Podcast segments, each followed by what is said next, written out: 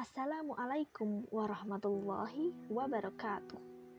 Salam sejahtera untuk kita semua.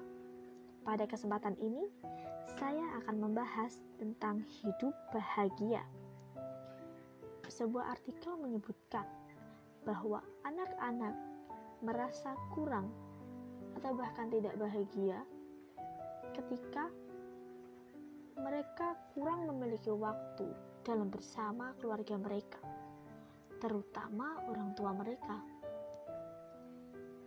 Padahal anak-anak ini telah diberikan fasilitas yang memadai, bahkan lebih dari yang seharusnya diberikan pada anak seusia mereka.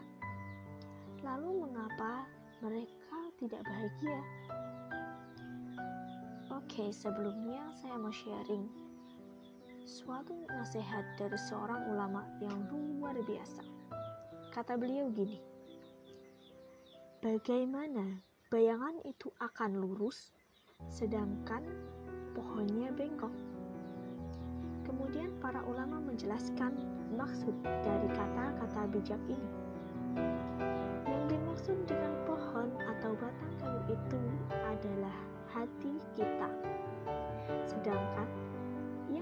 Dimaksud dengan bayangan adalah zahir atau perbuatan kita. Jadi, seolah-olah para ulama ini mengatakan, bagaimana mungkin amal seseorang itu baik, amalnya lurus, kalau hatinya tidak ikhlas? Bagaimana hidup seseorang akan bahagia sedangkan hatinya dalam keadaan sedih? Ketika hati dalam keadaan sedih, dalam kondisi apa pun, situasi apa pun, di mana pun dia berada. Sedih, tetaplah sedih. Bahagia dan sedih berasal dari hati kita, bukan dari sekitar kita. Kebanyakan orang yang ingin bahagia, mereka berusaha meluruskan bayang-bayang.